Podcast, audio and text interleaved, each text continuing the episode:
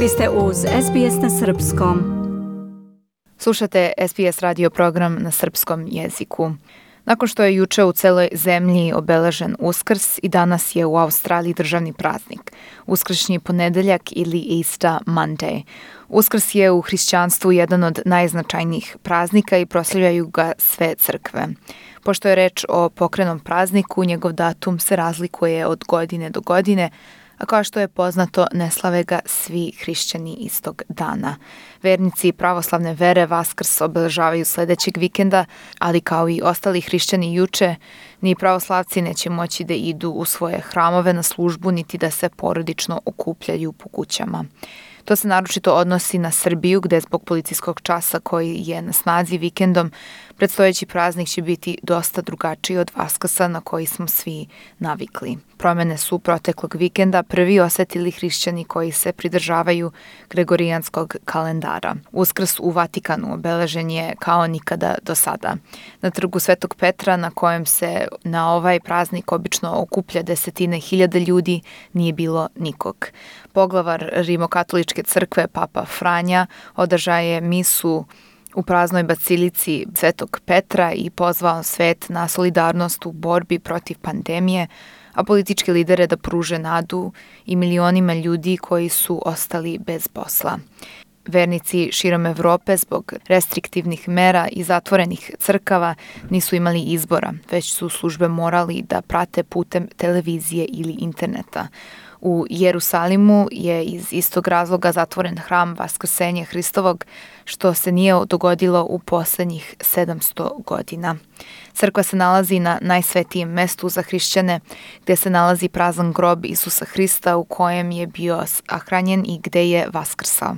Crkva je poslednji put bila zatvorena za uskrs 1349. godine, kada je svetom vladala crna smrt, odnosno kuga, a sada se isto dešava zbog pandemije virusa korona. Katolički patrijah Jerusalima, nadbiskup Pierre Batista Pizzabala, poručuje vernicima da ne treba da žive u strahu od smrti. Moja poruka je da moramo gledati u budućnost i ceniti život i sve što je dobro uprkos strahu i od smrti koji se širi svetom. Prava poruka Uskrsa je da će se život uprkos svim preprekama nastaviti. Praznik su u nedelju obeležili katolici, protestanti, anglikanci i brojne manje crkve, a čestitke su stigle i iz Srbije. Predsednica vlade Ana Brnabić čestitala je Uskrs Beogradskom nadbiskopu Stanislavu Hočervaru i svim vernicima koji najveći hrišćanski praznik slave po gregorijanskom kalendaru, saopšteno je iz premijerkinog kabineta.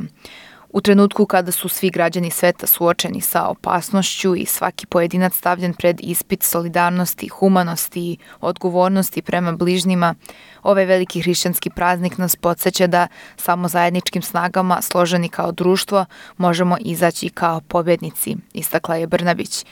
Predsednik Srbije Aleksandar Vučić je poželeo svima da vreme u samoći iskoriste kako bi se okrenuli unutrašnjim neprolaznim vrednostima i molitvama za sve one koji nisu više sa nama.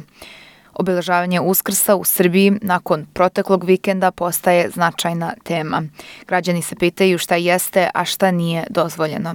Zvaničnog saopštenja za sada nema, osim da će stroga socijalna distanca važiti i tokom narednog vikenda, te se može očekivati policijski čas i u vreme Vaskrsa.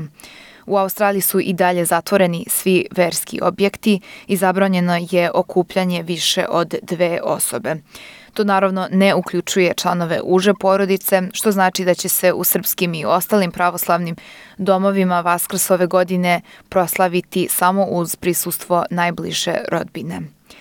Više o merama socijalnog distanciranja i pravila o okupljanjima možete naći na našem web sajtu sbs.com.au kostcrta Serbian u rubrici Virus korona.